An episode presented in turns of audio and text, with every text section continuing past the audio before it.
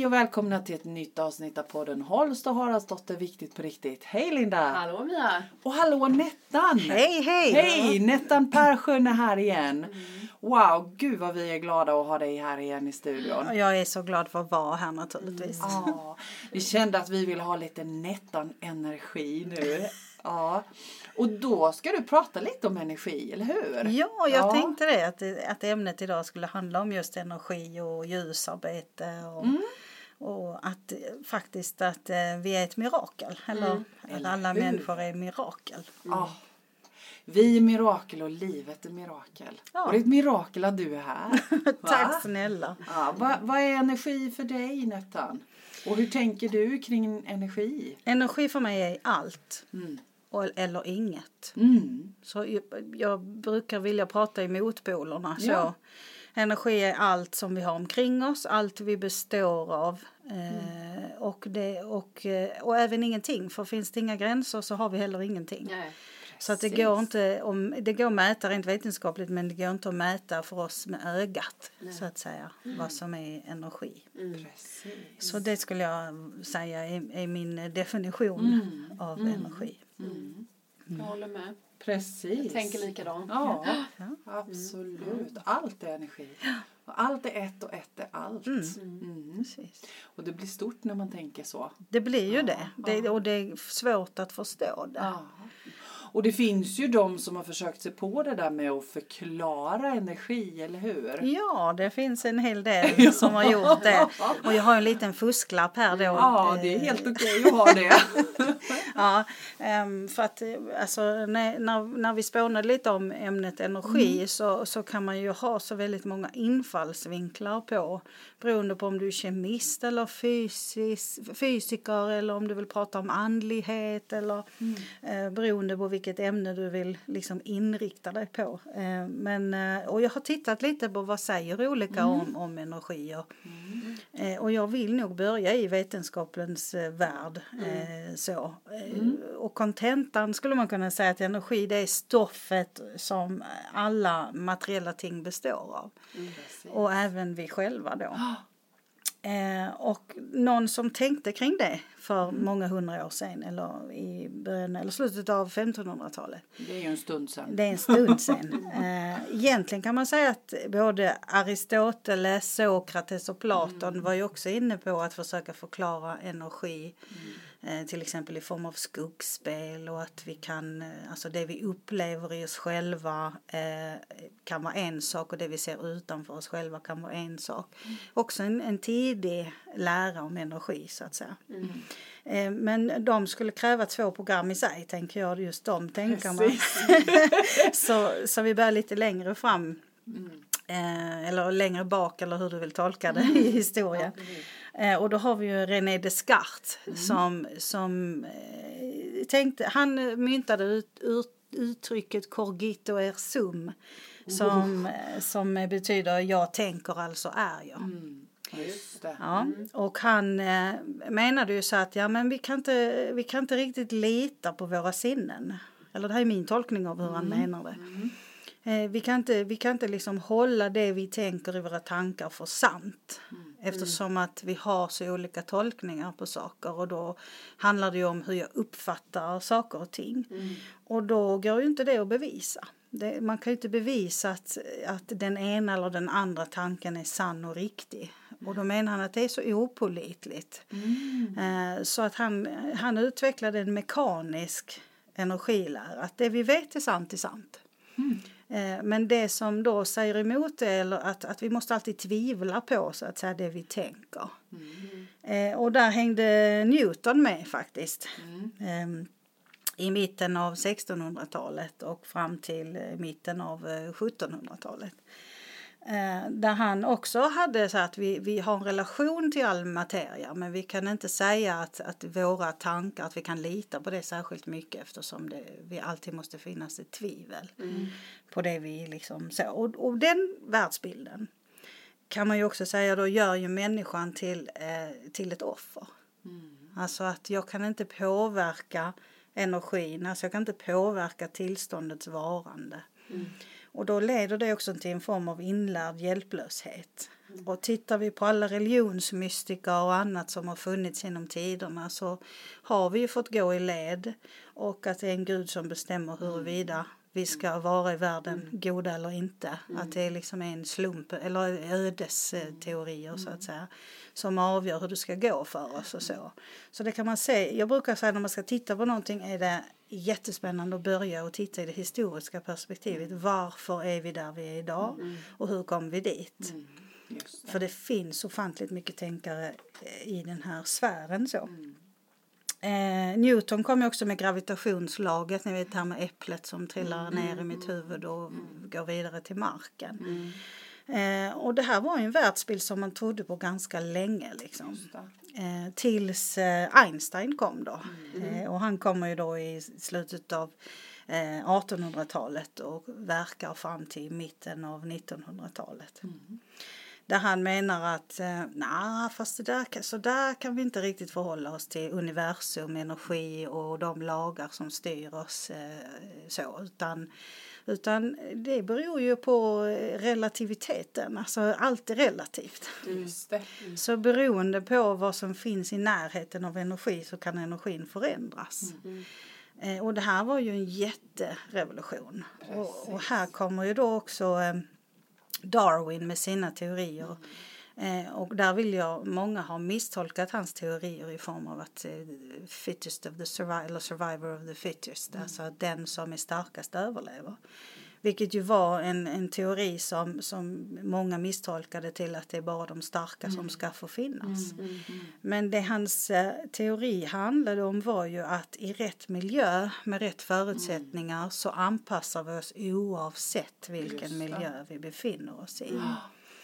Det. Och om det var sant på den tiden när vi trodde på, på Guds ordning eh, som ska sortera oss på olika sätt så var det ju också en revolutionär på den tiden som innebar att man började ifrågasätta eh, alltså religionernas eh, maktställning kan man säga eh, på den här tiden. Eh, så båda de här grabbarna då eh, hade ju enormt svårt för att nå ut med sina lärare för det innebär ju att en hel världsbild ska förkastas. Eh, Så att på den tiden kan man ju tänka likadant som då på 1700-talet när revolutionerna kom och man började ifrågasätta makttillstånd och annat. eh, Så var det en väldigt spännande tid när vi pratar om, om hur saker och ting förhåller sig i världen.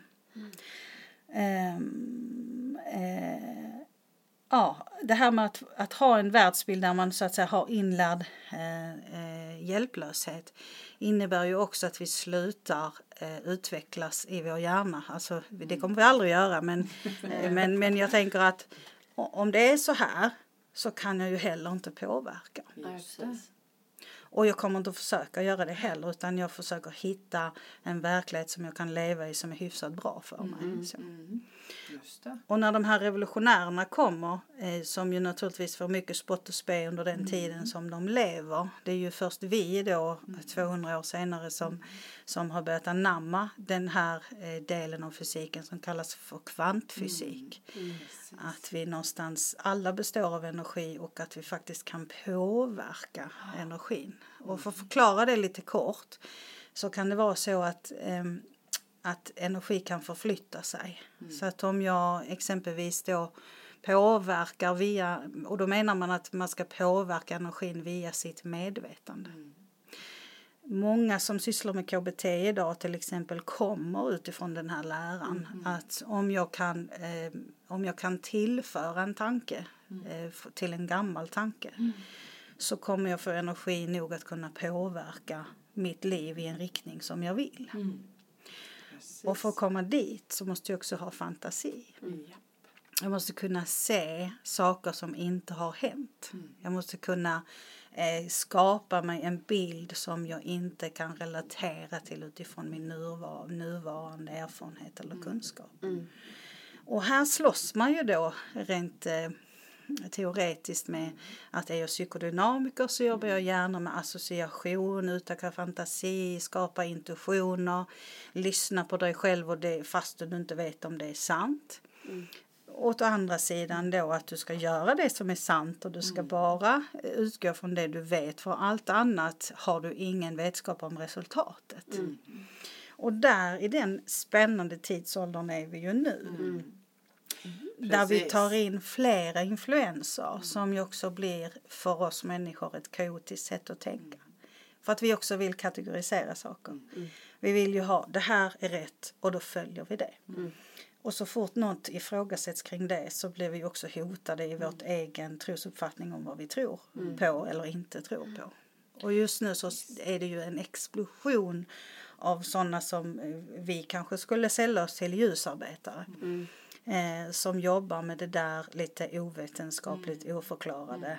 Eh, och mambo jumbo, eh, hej hopp. Det där vet vi inte på riktigt om det är sant så är det verkligen sant.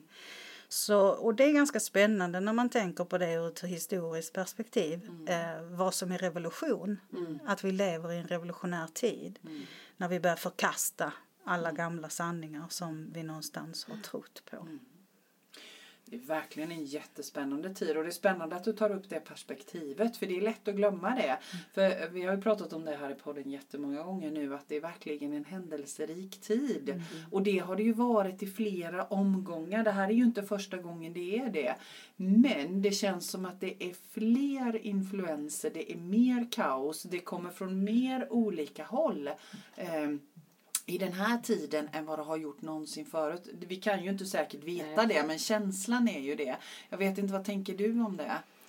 Jag, ja, när jag hör vad du säger så tänker jag så, ja absolut. Men om jag då tänker historiskt på eh, till exempel då eh, Newt, Newton och Descartes som är liksom överens om att så här eh, ligger världen till och så kommer Einstein med flera på, i hans och Darwin till exempel och förkastar det. Så har de säkert suttit Ja. i sin tids podd Precis, och sagt tänkt samma exakt sak. samma sak. Ja, för vi- Precis, jag tror inte det också. finns så mycket nytt under solen egentligen utan att, att eh, om jag får ge Descartes något rätt så jag tänker därför är jag.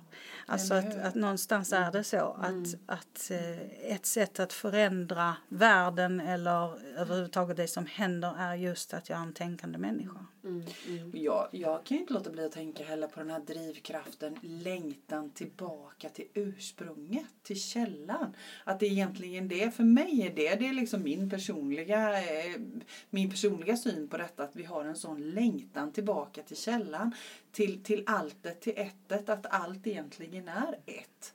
Eh, och att det är det vi, vi håller på att jobba med i alla de här revolutionstiderna. Och så tänker jag att nu har vi internet. Vi har en spridning på information som vi aldrig tidigare någonsin har haft. Jag menar de här grabbarna på den tiden, de hade liksom, det var apostlahästarna och en, en, en rulle med, med skrivet material i bästa Ja. fall. Men sen tänker jag, idag tror du inte också att vi får tänka lite annorlunda? Mm. Tänker jag, jämfört med historien, det kan inte jag veta, men när man vet så känns det som, som du sa med Gud och religioner och sånt, att man blir lite mer i fack. Mm. Idag känns det ju inte som att det är på samma sätt. Nej. Det finns så många olika grupper med olika tänk. Mm. Men frågan är, nu kommer vi tillbaka till skola och sånt där för att jag har småbarn, men hänger de med, tror du? Oj, alltså, För du menar det blir ju, för jag menar vi i skolan är ju lite, just med kvantfysik, och det har jag också hört att det kommer ju, de får ju skriva om allt material nu. För att det kommer bli en ny sanning. mm. Men tänk att man har suttit och sagt det även när jag var liten. Så här, när jag satt och läste så här, nej men det här är, det är ju den sanningen då. ja. Det kan vi inte veta. Vad Om jag- händer om- framtiden liksom? Nej, det tror jag inte. Jag tror att framtiden bygger på dåtiden. Mm. Ehm, och många gånger så vill vi glömma bort det som hände i dåtiden och tror att vi ska skapa nytt hela tiden. Exakt. Men ehm, en sak som jag lärde mig under alla mina år på universitetet är ju att jag studerade ju varje vetenskap för sig. Mm. Och varje vetenskap hade sitt bästa sätt. Mm. Och eh, inte, inte rent ordmässigt förkastade de andra sätten Nej. att se på ta- saker och ting. Men det fanns en oerhörd konkurrens mellan olika synsätt. Mm. Och jag tror att det är där som det nya händer, att, att gränserna börjar suddas ut. Mm. Att man börjar se, fast den där vetenskapen pratar om samma sätt som vi pratar, fast ett annat perspektiv och att det då finns valmöjligheter. Och jag tror människan är beskaffad ganska mycket att vi vill ha vår grundläggande liksom, behov är att ha trygghet. Så Ja, att, precis. så att, eh, och även jag jobbar ju väldigt mycket med människor som är i förändring. Mm. eller ska från ett tillstånd till ett annat. Ibland frivilligt och ibland icke frivilligt så att säga. Eh, och, och den, alltså att, att man har mycket valmöjligheter kan ju ganska många uppfatta som då kan inte välja någonting alls. Det blir för svårt att välja som våra ungdomar som ska välja gymnasiet. Och tänker jag då på skolans verksamhet som jag ju varit en del av ganska många år så skulle jag vilja säga det som fattas i skolan är, är spännande nog pedagogik. Pedagogik som ju någonstans bygger på läraren att lära ut. Och ska vi lära ut så måste vi veta någonting om hur man lär in. Eh, och det tycker jag man, som fattas i skolorna idag för att vi har väldigt mycket ämneskunskaper, faktakunskaper som ju tillhör Descartes tid. Ja, precis. Eh, så, eh, så, där vi bygger saker på fakta. Eh, men eftersom vi alla är människor och har olika tolkningar, erfarenheter och socialisation så innebär det ju också att man måste veta någonting om hur varje människa lär in. Då blandar vi in lite flummiga vetenskaper såsom eh, exempelvis miljöpsykologi som ju eh, alltid har haft en viss status men inte fullt ut. Vi har forskning, jag brukar säga 30 år men det har gått 10 år sedan jag sa det sist. Så 40 års forskning på eh, miljöns betydelse eh, och att eh, hur, hur färger, former, eh, lek påverkar inlärning. Eh, men vi är fortfarande i den, det finns alltså forskning på inlärningsstilar och annat, liksom hur vi gör. Men den är ju så eh, olik den vetenskapliga sättet vi förhåller oss till kunskap i dagens skola. Eh, vilket gör att en viss, en viss del människor kan ta till sig den kunskapen vi har i skolan idag. Men en större del och då kan inte det. Speciellt de som har eh, man brukar säga funktionsnedsättningar, jag brukar säga funktionsbegåvningar. Ja, Alltså att man är begåvad med en diagnos som gör att man inte har eh, vissa förmågor i hjärnan som andra har. Men om man har en begränsning så blir man också väldigt mycket bättre på andra saker som vi som är, eh, inte har funktionsnedsättningar missar.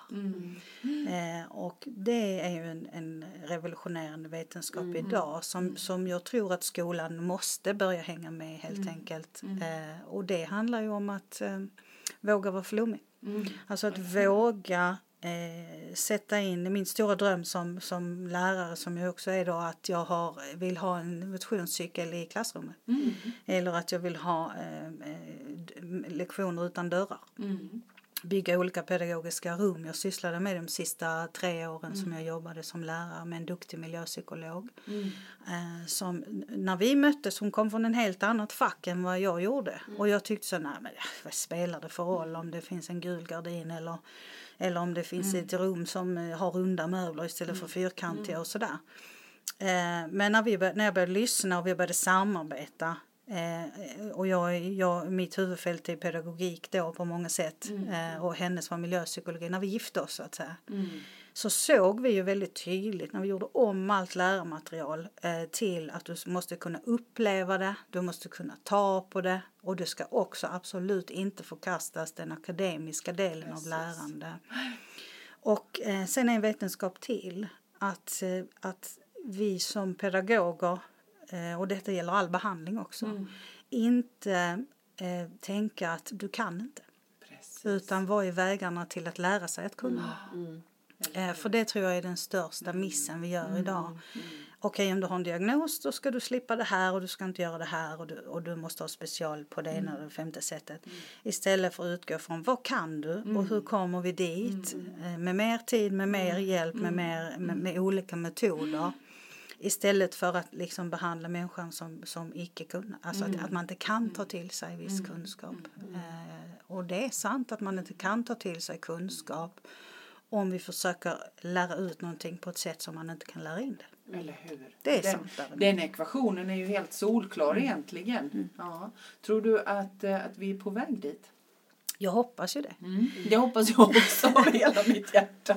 Eh, alltså, jag, rätt stor del av mitt yrkesliv så har, har jag liksom varit den som har eh, kraschat sådana eh, föreställningar som säger att det inte går.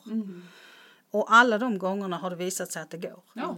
Eh, och jag tror att, att vetenskapen finns. Men det är en lång väg till att vi börjar använda den. För det innebär också att man måste ifrågasätta sin egen storhet, sitt eget bästa sätt. Eh, och jag tror någonstans att vägen till Precis. utveckling är just ifrågasättande. Att vi inte, alltså jag brukar säga så att klagomål, jag älskar klagomål. Klagomål är det bästa som finns. För klagomål är ingenting annat än en önskelista. Alltså kan man tolka det på rätt sätt så det jag klagar över finns en förklädd önskan i det jag klagar över. Och, och, och vi behöver bli bättre på att lyssna på dem som lär in om vi överhuvudtaget vill lära ut något. Jag tänker lite på just det där med att allt, att allt är möjligt. Det pratade vi om förra podden och sen så har jag sett det här nu mycket på sociala medier. Allt är möjligt, allt är möjligt. Och så fick jag en kommentar så här, någon som sa Men vad menar ni med allt är möjligt? För eh, den personen hade ju då eh, menade ju på då att eh, nej men vadå allt är möjligt. Jag sitter ju här med två barn och har en eh, sitter i skilsmässa och jag kan inte få det jobbet som jag önskar. Jag vill också flytta till Paris men det går ju inte. Alltså du vet de drog upp precis som du sa med alla Alla hinder. alla hinder. Ja. Och jag tänker att det är många gånger det står, jag läste bara på dörren här på SV som är så här, allt är möjligt. Och då tänker jag, det blir bara för mig också, jag fattar, men det kan ju bara bli en mening för folk. Att man måste ju förstå, som du säger, lika med historien, lika med för viktigt att förstå vad menar man då med när allt är möjligt. Och då tänker jag det är lite vi pratar om energierna och ja, men som du sa att det, det är ju möjligt om man ändrar sitt tankesätt. Mm. Sen kanske det inte går att du flyttar till Paris imorgon. Men för mig så kan man det. Om man vill. Vad, vad tänker du? Jag vet att vi ska prata lite om det med. Ja, det är ja, spännande. ja, eh, all förändring, alltså för att förändra sitt liv så behöver man först förändra sin uppfattning om Ja, sitt precis. liv. Eller hur? Det är det det handlar om. Det är det det handlar om. Och, Ja. och för mig handlar det om att gå från att vara det som din väninna sa där. eh, är ju hennes medvetna sätt att se på sin verklighet. Mm. Och den är 100% sann det. för just henne Just då. just då. Mm.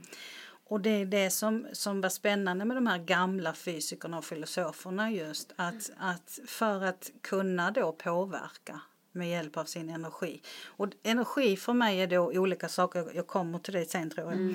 Men, men ehm, för att, för att göra det möjligt så måste man jobba på att gå från det omedvetna till att bli medveten om sin situation eller sitt sätt att tänka eller sitt sätt att känna. Återigen så behöver vi dåtid för att förklara framtid. Eh, för i min värld är det ofta så att jag är som jag är som jag alltid är. Precis. Som bygger på hundra repetitiva eh, handlingar. Hundra, re- hundra gånger miljoner. Repetitiva tankar och repetitiva känslor. Och, eh, och har det fungerat för mig i livet eh, så skulle jag vilja säga att de flesta människor som lever ett liv har någon gång ifrågasatt sitt sätt att leva sitt liv, sitt sätt att tänka och sitt sätt att känna. Men då gör vi ju så att då tittar vi på generationen tillbaka. Vad sa mamma och pappa? Hur gör mina syskon? Jo, de gör ju samma sak. Så därför måste jag ju tycka att det här är det jag ska göra. Precis. Eh, och man har liksom ingen referensram till att tänka allt är möjligt eftersom då skulle ju alla andra ha gjort allt det där som skulle vara möjligt. Precis. Då måste jag ju vara en alien eller på något sätt konstig som tänker att jag kan bo i Paris för det är bara flummiga människor som tänker så. Eh, och eftersom vi alla lever och vill vara i det här mönstret. Eh, för mig är energi också ett mönster. Eh, jag, jag kallar mig, jag har många titlar men jag ska ha en så är det ljusarbetare. För jag tittar på människors energier, alltså energimönster. Eh, och med det menar jag hur din tanke är uppbyggd. Eller hur din känslosystem är uppbyggd. Så det låter så flummigt när man tänker att man jobbar med energi. Men jag skulle vilja säga att det är oerhört analytiskt, oerhört fyrkantigt. Eh, s- jag kan ta ett exempel. Om jag, eh, om jag som terapeut ska möta min klient eh, så brukar jag lära ut att det första du måste göra som terapeut eller som, som hjälpare det är att omkullkasta ditt eget sätt och ditt eget system Mm. för att möta en annan människa. För annars går jag in med den energin att du ska göra, Mm. jag vet redan vad du ska göra. Och det är faktiskt sant. När jag möter en människa som ska vara i förändring så vet jag hur en människa ska göra för att nå förändring. Men det spelar ingen roll Nej. ifall den andra människan inte är där medvetet. Mm. Utan för den personen som sitter på andra sidan så är dens verklighet, upplevelser och erfarenhet 100% sanna för den personen. Mm. Utifrån den referensramen, kunskapen och socialisationen som den har med sig när vi möts. Och om jag då som hjälpare tror att jag ska kunna hjälpa eller förändra den människan så tror jag fel. För jag kan inte hjälpa eller förändra en annan människa utan det enda jag kan göra det är inspirera till nya valmöjligheter genom att tillföra ny kunskap. Och där tror jag pedagogiken har en väldigt stor uppgift i all förändring. Och det handlar om energi. Jag behöver ge energi för, att, eh, för att den här personen ska se den möjligheten. Och jag skulle också säga, alltså i en romantisk värld så kommer alla att sätta sig i min stol och förändra sig imorgon. Men så är ju inte fallet. Utan det som händer är ju att när jag presenterar nya valmöjligheter så det första jag kommer möta är enormt motstånd. Ja. Det första jag kommer möta är konflikt Mm. och ifrågasättande, vilket är fullständigt sunt. Naturligtvis. För att människan är också byggd av försvarsmekanismer och förklaringsmodeller. Så om du sitter där på andra sidan och talar om för mig att jag tänker fel, jag känner fel och jag gör fel. Så är du ju fullständigt dum i huvudet. Då fattar du ingenting om min situation eller varför jag har det som jag har det eller så Nej, vidare. precis. Därför att det är den kunskapen jag har när jag kommer dit. Och det tar lång tid att förändras. Precis som Descartes är ju liksom 1500-tal Eller hur? och framåt. Så tar det enormt lång tid att förändra sin energi. Men det börjar med ett ifrågasättande av vad är det jag tror att jag kan. Mm. Eller vad är det jag tror att jag vet. Och är det någonting som vi kan säga så ju mer jag lär mig nya saker ju mer förstår jag hur lite jag vet. Men om jag är på platsen att jag inte vet särskilt mycket så kommer jag tro att jag kan allt. Mm. Och där finns en konflikt som, vi, som jag gillar som sagt motpoler. Eh, och det är viktigt att förstå det att energi eh, är jag väldigt rädd om. Alltså den energin jag har när jag är småbarnsförälder och jag ska dessutom göra karriär och jag ska dessutom få en välfungerande relation till alla jag har omkring mig. Hur mycket energi har jag kvar då och börja tänka att jag ska flytta till Paris? Mm. Så i min värld så är det också en tidsaspekt som är med i det här med energi och flöde. Mm. Som vi många gånger glömmer bort. Också finns mycket kunskap att hämta i vetenskapen där. Att om jag är 20 år så är jag mycket mer intresserad av att, att vem är jag, eh, vad vill jag, hur ska jag komma dit, kommer det gå bra för mig, har jag tillräckligt med vad jag behöver för att komma dit jag vill, kommer att uppta mitt energifält. När jag är 30-40 så bygger jag bo, hus och familj. Och då kommer min energi att vara riktad i den eh, riktningen och, och det är väldigt mycket. När jag sen är 40 och framåt så börjar jag faktiskt ifrågasätta allt det som jag har hållit för sant. För då kommer den här frågan, var det här allt? Mm. Nu när jag har uppnått det här, finns det inget kvar? Är jag klar nu? Är detta livet? Är detta livet? ja. Så att, så att eh, Vad en, hände sen då? Ja. 50-60? 50 Då blir det bara bättre. Då blir det bättre. Eh, Jag brukar säga att det är så spännande med 50-åringar för de gör re- revolution på alla sätt. Eh, Jag vet, vi gör Ja. det. Och det är så intressant för även där tänker jag att det finns en un universal tanke kring det. Att vi liksom när vi är 20 gör som alla andra gör. När vi är 30 försöker vi hålla fast vid den världsbilden. Och 40. När vi har uppnått allt det där som alla sa att vi skulle göra, vara och, och bli. Så inser vi så här, men nu då? Och då börjar man rasera det. Och det är spännande. Sen när det är energier så kan man ju fastna i det. Och det är också intressant med, som du tog upp med informationstek eller kunskapssamhället som, som skenar iväg. I, I förhållande till den kunskapen vi har om oss själva och den tröghet som finns i all förändring. Vad är det som händer i den, i den motpolen? Jag menar jag betalar fortfarande mina räkningar med en eh, med dosa höll jag på att säga. Mm. Och vägrar. Att, Att komma vidare. Ja. Ja.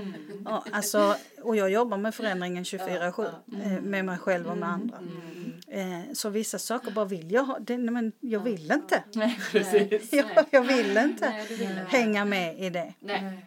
Så, så en mänsklig faktor eh, om, om vad energi är, liksom, att vi har också en viss mängd energi som går åt. Det kostar. Mm. Det finns en inkomst och det finns en utgift är liksom, eh, i, i balansen av energi. Så. Mm. Mm. Mm. Ehm, men man kan ju också säga att, att, ehm, att förändring är också ett tillstånd. Eh, och, och, och jag säger förändring men jag menar energi. Energi är ett tillstånd. Jag, vill, jag har ett tillstånd och jag vill till ett annat till exempel. Och då får man titta på att det finns olika delar av mitt system som består av energi och min, mitt kropp, min fysiska kropp kan man ju säga. Hela jag, jag ska, alltså människan är ju energipartiklar. Om vi nu ska titta fysiskt och vetenskapligt. Så, och då består vi av 50 000 till 100 000 miljarder celler. Det är några stycken. Det är ju en del liksom. Och varje cell har kontroll på sin del. Det är ganska intressant att tänka. Att i oss finns det en massa ledarskap. Eh, som på något sätt, det som jag tillför, mat kan vi ta som ett exempel. Tillför jag mat som tar min energi så kommer jag, jag kommer att bajsa och kissa ut det, överflödet, eller kapsla in det. Eh, för att kroppen ska orka använda sin energi till någonting annat exempelvis. Så att även det jag stoppar i mig är ju uppbyggt av energi och då och då kan man göra en koppling till vad är det för energi jag stoppar i mig och vad tillför det min kropp? Redan där skulle jag säga att vi är omedvetna varelser som, som äter allt möjligt som egentligen är död energi om man säger. Ja men nog inte bara maten, vi när oss med en massa intryck. För jag menar det är också intryck och relationer och, och allt vi får i oss. Det är inte bara maten tänker jag. Nej, Nej. exakt. Utan våra tankar. Ja. Alltså hur, man, man brukar säga att det är som en trasig grammofonskiva som upprepar eh, dåliga tankar eller, eller tankar som inte leder mig någonstans. Som jag upprepar dagligen. Vad, vad ger det mig för energi? Vad ger det mig för möjlighet att se möjligheter? Till exempel. Så. Hur hoppar jag av det där ekorrhjulet? Hur blir jag ens medveten om att så är fallet? Precis, och jag tänker att det är ju första steget att bli medveten, eller hur? Det är det. Ja. Vilket ju är eh, inte så himla lätt i sig själv. Nej, och det kan ju många gånger också vara smärtsamt, tänker jag. Exakt. Oerhört smärtsamt. Mm. För det innebär att jag måste förkasta det jag trodde jag Yes, visste. Precis, och, jag, och, och förkasta det jag har gjort och det, det, det jag har stått för hittills Ja. i hela mitt liv. Och jag tänker att det tycker jag också är en sån där som, som också möter mycket människor, att det är en sån där eh, vågskål där. Att, att göra det, att komma över den där tröskeln. För där finns det ju ingen genväg. Utan Nej. det är ju bara, eh, som min kära vän som också heter Mia sa till mig en gång, att det där det är ju bara som att när du har kommit tillräckligt långt in i skogen och du ser ljuset på andra sidan buskarna och inser att du har närmare ut på andra hållet än du har att gå tillbaka. Det är då du tar klivet och, och skjuter undan busken och kliver fram i ljuset. Och jag tycker den är så är bra. För, ja men det är en vacker metafor. För, det, det är liksom, för, för mig har den varit väldigt, väldigt så symbolisk eh, genom åren. Att, att det är så. Det finns ingen genväg utan jag måste framåt. Eller så får jag gå tillbaka till det där som jag egentligen inte vill vara i. Mm. Mm. Exakt. Och, och återigen så måste jag ju då på något sätt gå igenom mina försvarsmekanismer och min förnekelse. Eh, vilket ju alltid är smärtsamt. Yes. Det är alltid ett motstånd eller en Yes. konflikt på något sätt. Ah, Så jag gillar ju ångest, oro, konflikter. Jag tycker Ja. det, är, det är fantastiskt. Människan är ett mirakel. ja. Alltså om jag inte gör rätt så kommer min kropp att visa det Ja. till mig på alla sätt den Ja. kan. Liksom. Och sen, ja, Ett sånt redskap vi har i det. ja, det är fantastiskt. En Men gåva. det, ja men det är ju det också då att då, då det är ju så bra att vi pratar om det för jag tänker att alla upplever ju det. Men det är ju ingen som har berättat varför man upplever det. Alltså så jag får ju väldigt mycket, jag har ju alltid haft mycket fysiska eh, besvär när jag har gått fel men jag har ju inte fattat vad det är. Då har man ju gått till det västerländska tänket och kört i en eh, Alvedon eller jag har eh, Ja, men det egentligen handlar det om att man ska vila till Mm. exempel. Eller Mm, inte ja. gå på dit till, den, till den vännen eller till det jobbet. Så. Mm. Men eh, det är ju det, det får man ju inte lära sig. Nej, det får man Eh, inte. Det får man inte. Det får man ju Än. Det Men det, är ju, det har vi pratat också om. Men det är ju som du säger med energier att jag vet inte varför men jag kan ju ändra mina energier nu. Men det har ju tagit sin lilla tid. Jag kan ju säga, oh nu kommer den. Då kan jag ju medvetet idag ändra det. Men förr så bara kommer det ju automatiskt. Och vad, vad tror du är skillnaden på att du kan det nu och inte innan?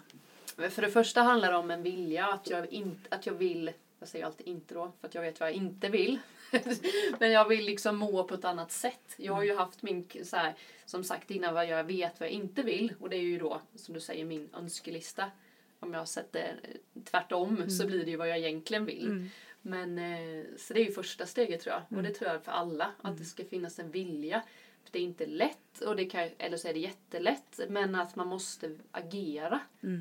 Det är inte så att jag bara inte har gjort någonting. Jag har ju gjort jätteläskiga saker och sagt upp mig och vågat saker och sånt. Och det, det är väl det tror jag. Att man måste agera. Mm. Och det, det håller jag med om. Och det- vilja agera kanske. Även Ja. att det är svinläskigt många gånger. Men oftast tycker jag nu, det har vi också pratat om. När man väl har gjort det så var det bara det här. Det är inte så läskigt. Det är alltid läskigare innan man bygger upp så mycket eh, i sin hjärna, sin energi. Och sen när man gör det så, blir det, så lär man sig med gångerna att det tog inte så mycket. Ta längre energi och grubbla på det än att agera. Så jag Yes. gör det snabbare nu tror jag. Agera exakt. snabbare för det tar skitmycket energi. Gå och tänka på det. Och, det, och därför tror inte jag, alltså jag tror på motivation i sig. Mm. Men jag tror inte på motivationsteorier. Jag tror inte att någon annan människa kan motivera en annan Nej människa. men precis, det måste komma in. Ja, man måste inspirera andra människor. Och, och för mig så är motivation att röra sig i den riktningen som du beskriver. Mm. Det är ju att det måste finnas en handling. En handling som ger en erfarenhet och en känsla och förhoppningsvis ett, ett lyckligt resultat som gör att man vill göra det igen. Ja, precis. Eh, För att förklara det ganska enkelt. Och då, ibland brukar jag säga sluta tänk, gör. Eller hur? Gör först, utvärdera sen. Utvärdera inte i tanken innan du gör Nej men något. För att då kommer du att låta rädslorna styra över dig. Mm. Och i min värld är det två energitillstånd och det ena är kärlek. Och det vill man ju alltid väl. Och det andra är ju då rädsla. Som ofta vill eh, på ett gott sätt skydda mig från att misslyckas. Om jag vill se misslyckandet som, som det vi vanligtvis ser ett misslyckande som. Eh, I min värld så är misslyckande bara ytterligare ett sätt som blir jag inte vill där. Eller att jag vill inte det är ju använda lätt mig att få det. där misslyckandet, så gör jag så här med fingrarna. att det blir, som du sa innan, en historia. Och att man inte vågar testa på det igen för att det kan bli som en negativ cirkel.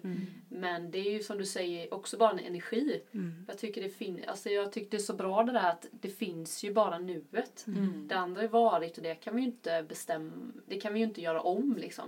Vi Men kan- det är lätt vi- att fastna ja, där. vi- oh, det vi- där var läskigt, det gör jag inte igen. Nej, vi kan inte göra om det men vi kan lära oss av det Ja, hur? precis som av historien. Mm. Och jag tror att det är många gånger människor har, alltså vi är ofta ytterligheter. Mm. Alltså jag ska bara leva i nuet, jag ska inte bry mig ett dugg om mitt förflutna. För det får mig att må dåligt. Mm. Halleluja säger jag, det är jättebra att må dåligt. För att, att må dåligt handlar ju om att jag får kunskap om allt som, som jag inte vill ha igen. Ehm, och de flesta människor är ju extremt rädda för att må dåligt eller rädda för sina känslor överhuvudtaget. Liksom. För att vi har också en idé eller bild om hur, hur bra känslor är. Så hade vi lärt oss att inte värdera våra känslor så mycket utan mer så här, kändes det här bra? Nej, men då kanske jag inte ska göra om det här. Och det kommer innebära att jag gör om det en gång till minst. Mm. Men den gången, sätt, ja, liksom. den gången jag gör om det som jag inte vill Nej. en gång till.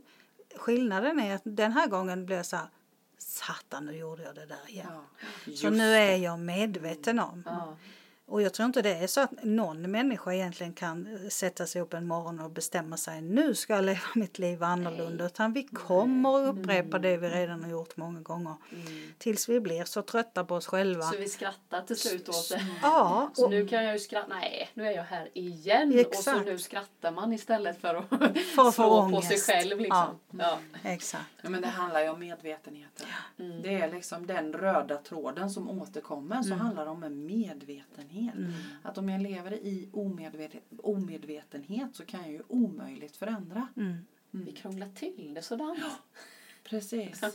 Keep it simple. Men jag, jag tänker också på att den gruppen man umgås med, och jag brukar säga grupp för det kan ju vara allt, det kan ju vara familjen och det kan vara vänner och det kan vara studiekamrater eller dagiskompisar, vad det nu är.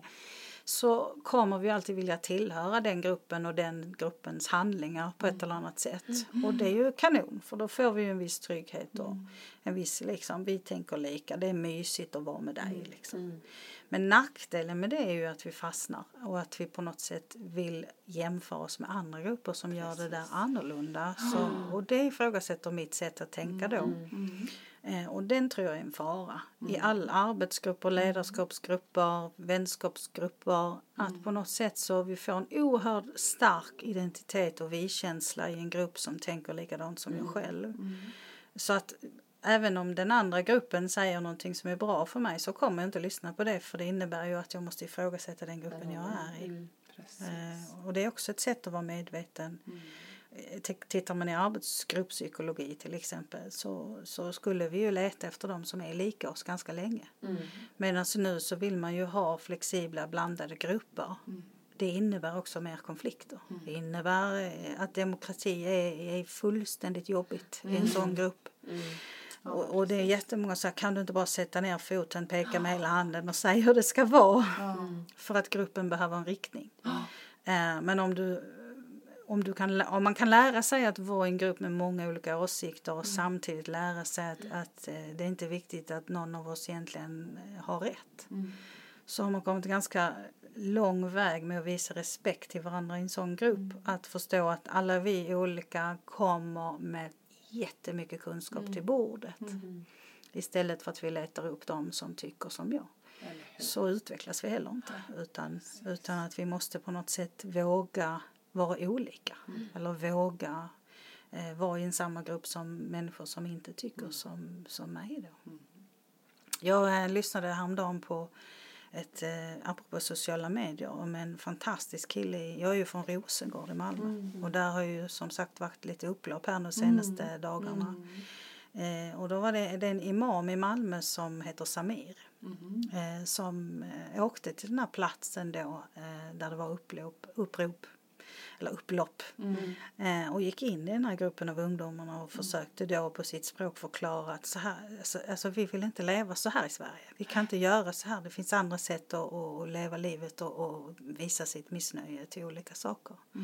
Medan gruppen naturligtvis inte lyssnade på det för att, för att eh, man vill ju tillhöra den här revolutionära gruppen ungdomar utan den medvetande som vi kanske vuxna har mer än vad barn och ungdomar har. Där han eh, gjorde ett fantastiskt socialt medieinslag där han sa det som förvånade mig mest i det här upploppet det var alla vuxna människor som stod runt omkring eh, stor som liten oavsett eh, etnisk härkomst och tittade på och gjorde ingenting. Försökte inte ens. Nej. Och här har vi den inlärda hjälplösheten av att det är någon annan Ja. som Jag ska fixa det här problemet. Eh, och, och det var så fantastiskt när han uppmanade, uppmanade sitt eget folkslag så att säga. Vi som är muslimer och, och tror på islam, vi gör inte så här. Nej. Och vi måste våga säga det. Vi måste våga ta tag i problemet alla. Ingen, alltså vi äger det här problemet alla. Det tyckte jag var så fantastiskt fint. Jättefint. Jag tänker att det är en, en fin avslutning på det här programmet. För, för tiden går fort när, man, när man pratar om sådana här intressanta saker.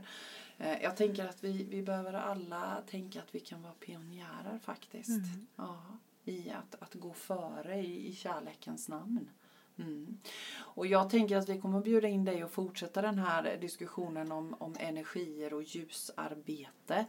Eh, men tills dess så tusen tack för att du kom Jag ser att du har ju massa Ja. papper kvar. Ja precis, vi, Vi får köra fler avsnitt. Ja, precis, men tusen tack för att du kom. Tack för att jag fick Det är komma. alltid lika roligt att ha dig här och tusen tack Linda och tack till alla som lyssnade.